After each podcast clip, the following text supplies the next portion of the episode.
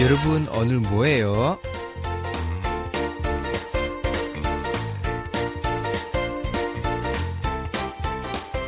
Lagi ngapain nih? Mending kita berbagi cerita di Kepo bersama DJ Lodi.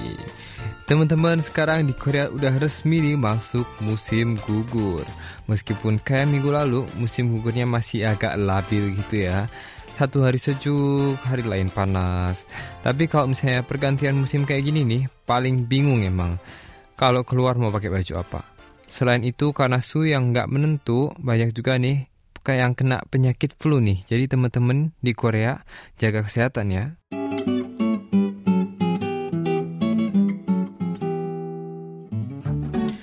Dan berbicara soal musim yang berakhir nih, ada juga satu lagi yang baru saja berakhir yaitu Lodi Speak kali ini. Apakah itu? Adalah drama yang belum lama ini selesai tayang nih teman-teman yaitu Hotel de Luna. Drama yang dibintangi oleh Ayu ini mengambil konsep yang sangat unik karena mengambil latar belakang dari berbagai timeline background yang berbeda dan membuat drama ini semakin seru dan unik buat diikuti nih. Dan tentunya drama ini nggak bisa lepas dari cerita romantisnya dong. Walaupun kata beberapa orang yang nonton agak ketakutan karena emang agak horor-horor gimana gitu ya. Tapi aku pastiin kalau misalnya ceritanya ini seru banget nih teman-teman. Selain Ayu, ada juga Blog P, PO, dan juga Mina dari Gugudan yang ikutan berakting dalam drama ini nih. Aktor Yo Jinggu yang menjadi pemeran laki-laki utama ini sebenarnya lebih muda 4 tahun loh dari Ayu. Jadi katanya itu dia belum pernah pacaran sama sekali nih teman-teman. Sehingga banyak banget yang meragukan bagaimana nih chemistry-nya mereka nantinya. Tapi setelah syuting yang berlangsung, ternyata nih mereka menjadi pasangan yang benar-benar cocok dan memiliki chemistry yang baik. Dan juga mereka berdua menyatakan bahwa kalau mereka ini ternyata menjadi dekat satu sama lainnya lebih cepat daripada yang mereka pikirin nih. Drama yang agak menakutkan, seru, bikin jengkel, sekaligus bikin kalian mengusap air mata. Tapi selain daripada itu, ada satu lagi nih yang menarik perhatian dari pembicaraan hangat dari drama Hotel di Luna ini, yang menjadi salah satu poin utama Lodi Speak hari ini yaitu gaya rambut alias hairstyle yang muncul dalam drama ini. Tentunya kita membahas tentang hairstyle dari Ayu yang menjadi bintang pemeran utama dari Hotel de Luna. Karena setiap episodenya ini dan setiap scenes yang berbeda-beda, semua gaya rambutnya ini berbeda nih teman-teman. Jadi emang hebat banget nih mau kasih tepuk tangan dulu buat si penata rambutnya Ayu yang emang keren banget dan emang ternyata nggak cuma Ayu aja tapi adalah penata rambut dari girl group Oh My Girl dan juga Soli nih. Pasti kalian juga tahu nih Soli kan dari FX ya kan. Dan emang gaya rambutnya ini menarik banget dan emang menjadi salah satu poin utama dari drama ini nih. Seperti gaya rambutnya itu dikebelakangin, terus habis itu ada kepang-kepangnya gitu kan ya di belakang. Terus juga baby hair nih yang menjadi benar-benar di Korea itu benar-benar tren banget nih namanya baby hair atau rambut-rambut kayak yang kecil-kecil yang ada di depan di dahi gitu kan ya. Sebenarnya waktu dulu sih pernah ya agak tren gitu kan ya, tapi mati terus habis itu dibawa lagi trennya ini ke dunia oleh Ayu nih teman-teman. Jadi kalau misalnya kalian cari search di YouTube gitu kan ya, pasti udah banyak banget nih yang membahas atau bikin tutorial tentang hairstyle yang dilakukan oleh Ayu nih di drama Hotel di Luna ini. Jadi kalau misalnya kalian yang udah nonton ya, nonton uh, dramanya atau mungkin emang kalian suka sama hairstyle, yang suka uh, tutorial-tutorial gitu pasti bisa banget nih langsung dicek dramanya. Dan kalau buat kalian yang udah cek dramanya jangan lupa buat komen di Instagram kita apa sih yang kalian pikir tentang dramanya, apa sih yang kalian pikir tentang Ayu, dan juga tentunya apa sih yang kalian pikir tentang hairstyle yang digunakan oleh Ayu nih. Jadi itu dia Low Speak buat minggu ini.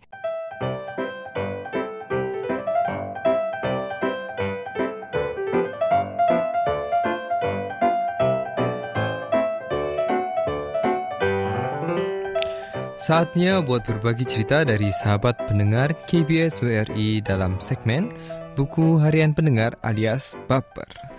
Dan segmen di mana teman-teman bisa berbagi tentang kejadian-kejadian dalam hari atau rutinitas kalian. Atau juga curhatan juga boleh nih. Dua-duanya aku terima. Dan buat yang mau ikutan caranya gampang kok. Tinggal kirimin diary atau curhatan kalian ke indonesia at kbs.co.kr atau lebih gampang lagi nih, langsung aja ke DM di Instagram KBS at KBS Indonesian. Diary yang kepilih bakal aku bacain sekaligus aku kasih komen nih. Dan juga tentunya ada hadiahnya nih berupa pernak-pernik imut dari Korea. Dan paper pertama hari ini datang dari Ria Rusia Nayati yang katanya kali ini adalah pertama kalinya Ria sharing tentang hidupnya dengan orang lain. Terima kasih ya Ria sudah berbagi cerita dengan Kepo dan kita langsung aja bacain curhatan Ria. Dear DJ Lodi, saya ingin berbagi sedikit cerita untuk DJ Lodi dan para pendengar KBS segmen Paper. Namaku Ria. Aku seorang mahasiswi tahun keempat. Ini pertama kalinya aku menulis diary dan bercerita tentang hidup aku ke orang. Aku berasal dari keluarga biasa dan bisa dibilang tidak harmonis. Sejak kecil aku tinggal bersama nenekku, dan beliaulah yang membesarkanku. Orang tuaku ke mana? Orang tuaku ada, tapi mereka sudah bercerai semenjak usiaku dua tahunan. Itu yang aku tahu dari cerita nenek.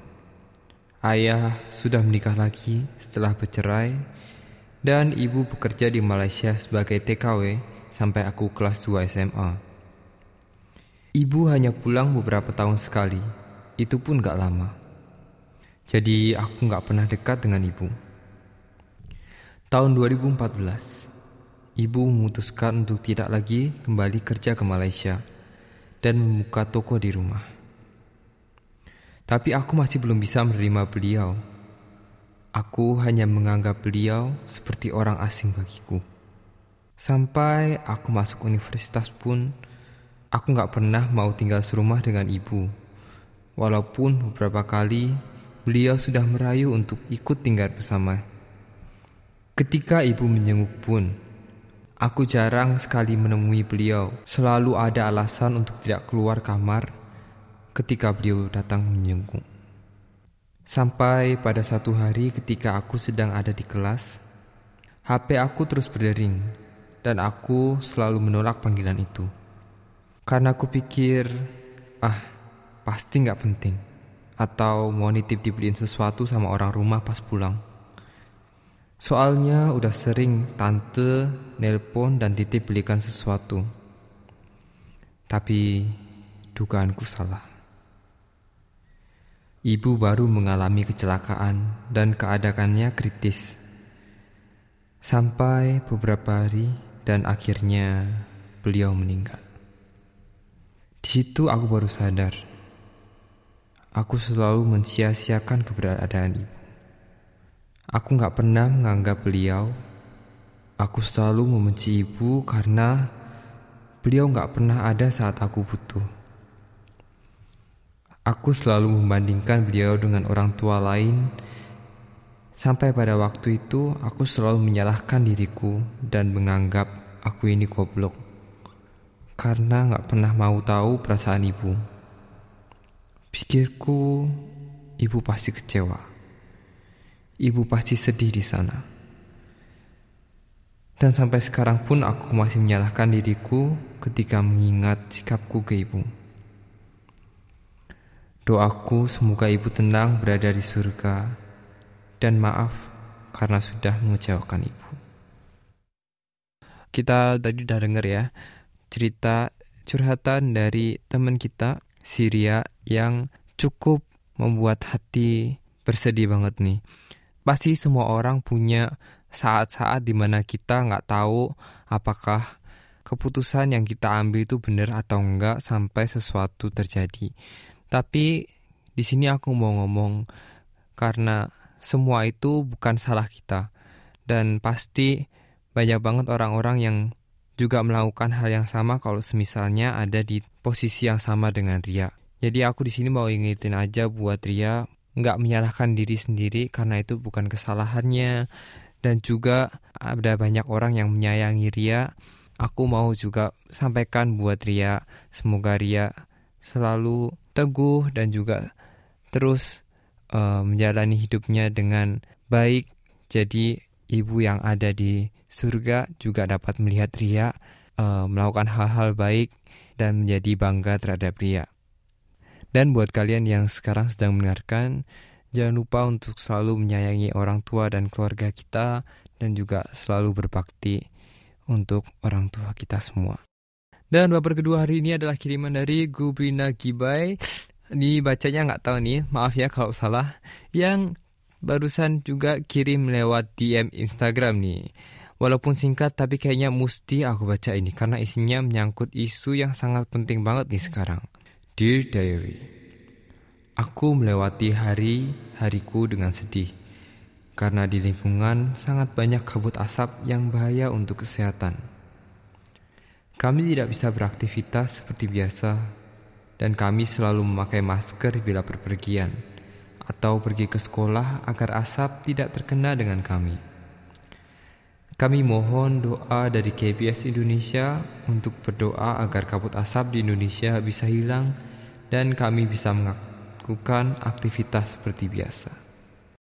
Uh, buat kalian yang ada di Indonesia yang sedang terkena kabut asap nih, benar-benar bersedih banget dan semoga cepat-cepat kabut asapnya bisa hilang ya teman-teman karena Sebenarnya kalau misalnya kalian tahu ya di Korea itu kan juga ada nih namanya misemonji atau debu debu kecil gitu ya yang kalau misalnya waktu parah banget nih ya di Korea itu sebenarnya buat beraktivitas keluar aja tuh benar-benar kayak bahaya dan bikin orang bisa sakit langsung gitu ya. Dan dengan itu aja aku bayangin kalau misalnya dibandingin sama kabut asap yang ada di Indonesia sekarang ya mungkin nggak nggak ada apa-apanya gitu kan ya. Jadi benar-benar bisa semoga semuanya yang mendengarkan ini berdoa buat kabut asap di Indonesia semoga cepat menghilang dan orang-orang di Indonesia bisa beraktivitas seperti biasanya tanpa ada kesusahan. Dan selamat ya buat Ria dan Gibrina Gibi yang sudah mengirimkan ceritanya buat kita. Jangan lupa buat konfirmasi alamat kamu ke email KBS. Semoga kita bisa kirim hadiahnya ke rumah kamu nih.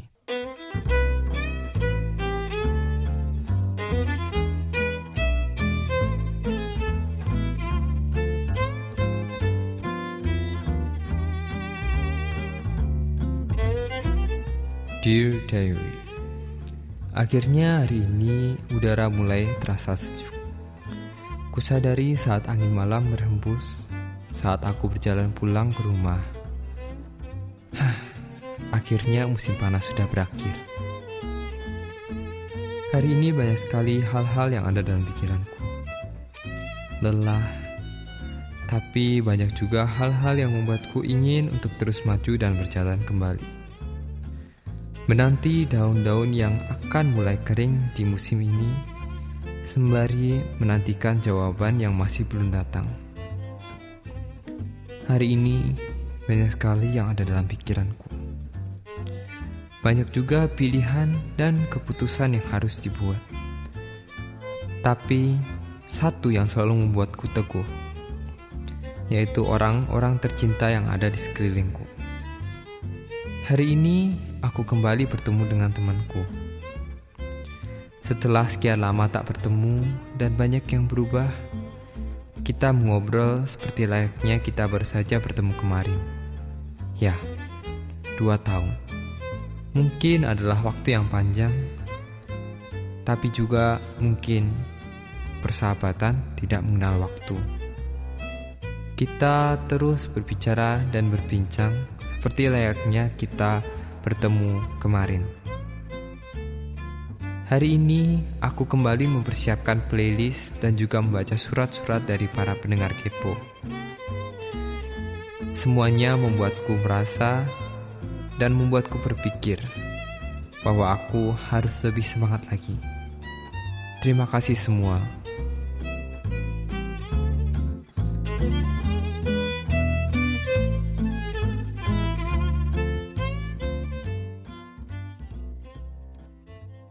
Dan emang nih di Korea sekarang sudah mulai dingin dan sudah berakhir di musim panasnya. Dan tentunya aku di sini mau ngingetin nih buat teman-teman di Instagram dan Facebook jangan lupa buat kasih tanggapan kalian tentang episode Kepo hari ini dan postingan Kepo selanjutnya.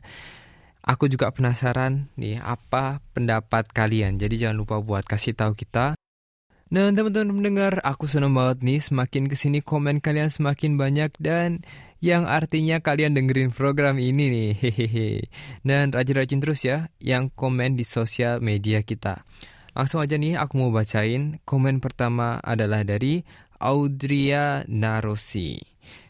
Gimana nih budaya di Korea? Apakah sama dengan Indonesia?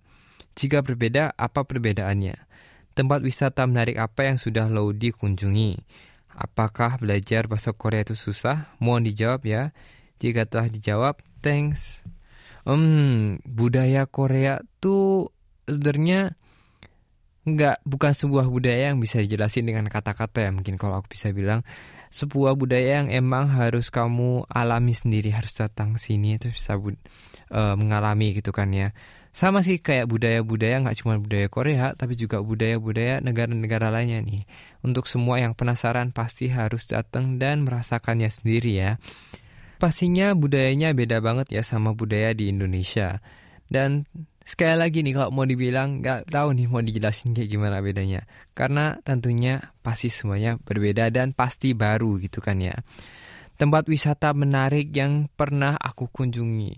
Mungkin seperti kayak Istana Gyeongbokgung atau uh, Enseoul Tower gitu kan ya.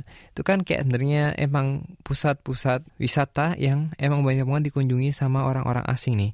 Tapi kalau buat gue sendiri biasanya gue lebih suka ke hal-hal yang lebih ke mungkin kayak tradisional gitu kan ya. Jadi dari dua yang tadi udah aku sebutin aku biasanya lebih memilih ke Istana Gyeongbokgung nih kalau misalnya tentang belajar bahasa Korea tuh sebenarnya susah-susah gampang dan tapi itu juga sebenarnya semuanya tergantung pada kalian nih seberapa kalian mau semangat dan rajin belajar bahasa Koreanya. Semoga semangat nih kalau misalnya kamu mungkin berencana buat ke Korea dan belajar bahasa Korea selalu semangat dan semoga bisa ke Korea nih. Terus juga ada nih komen-komen lainnya dari Iptis yaitu pool party belum pernah. Cuman pernah diajak aja sih di Waterboom Lipo Cikarang. Berhubung aku nggak six pack jadi minder. nggak, walaupun nggak six pack juga nggak apa-apa kan ya. Yang penting kan seru-seruan main air gitu kan ya. Terus juga ada dari Adeline Lady 27 party pun nggak pernah nggak ada yang ngajak gue kalau main di Waterboom di Bali pernah mungkin ini sih ya kayak yang sekarang uh, lagi ngetren di Korea gitu mungkin belum sampai Indonesia gitu buat kayak ada party party pool gitu kan ya. Tapi pastinya kalau di Indonesia orang-orang udah sering banget pastinya ke kayak waterboom dan waterworld gitu ya. Dari Gibrina Gibi apa yang paling kakak rindukan di Indonesia? Hmm yang paling dirindukan di Indonesia tuh apa ya? Mungkin makanannya kali ya karena nggak ada di Korea gitu kan. Dan lanjut aja kita mau bacain juga nih dari Jelly Mumets. Untuk Lodi, selain dari di KBS kesehariannya ngapain aja? Apakah ada channel YouTube? Soalnya mau tahu kesehariannya. Sedih ketika bakal jarang melihat dia bernyanyi di panggung. Tunggu comeback, hehe. Dan terima kasih nih buat komennya. Uh, channel YouTube pastinya ada di bisa langsung dicek aja di Instagram aku ada linknya dan juga kesehariannya mungkin juga bisa dilihat di situ walaupun sekarang akhir-akhir ini belum sempat update tapi mungkin bisa ditunggu nih ya. Dan juga ada dari Arifia Via. Menurutku pool party kalau di Indonesia masih terbilang jarang atau aku yang nggak tahu. Kesannya kayak itu buat kalangan orang-orang kaya aja berhubung dalam lingkaran itu jadi gak paham. Kalau misalnya di Korea itu sebenarnya oh, nggak bukan buat kayak buat orang-orang kaya sih buat kayak lebih ke anak-anak muda yang biasanya kalau musim panas kan emang panas banget ya. Mungkin kalau misalnya dibandingin, mungkin kalau misalnya di Indonesia anak-anak muda pada ke waterboom gitu kan. Tapi uh, mungkin anak-anak muda di Korea selain juga ada yang ke waterboom, ada yang juga uh, pool party gitu nih kalau mau dibandingin. Terus juga banyak banget nih yang komen tentang pool party gitu kan ya. ada juga yang ke waterboom terdekat sambil ngisi jam kosong kuliah gitu kan. Terus juga ada nih dari Cahe pas tujuh sama TVSQ konser di Indo nggak bisa nonton padahal kan mereka ganteng dan bertalenta banget. Sayang banget ya buat cari yang nggak bisa nonton Suju dan TVXQ waktu di Indonesia. Semoga nanti selanjutnya bisa ke Indonesia. Bisa, semoga selanjutnya bisa juga ikutan nonton waktu ke Indonesia lagi ya. Dan terima kasih teman-teman Kepo untuk semua komennya nih. Wah, banyak-banyak. Banyak banget nih komennya hari ini dan baca komen gini selalu bikin aku semangat nih.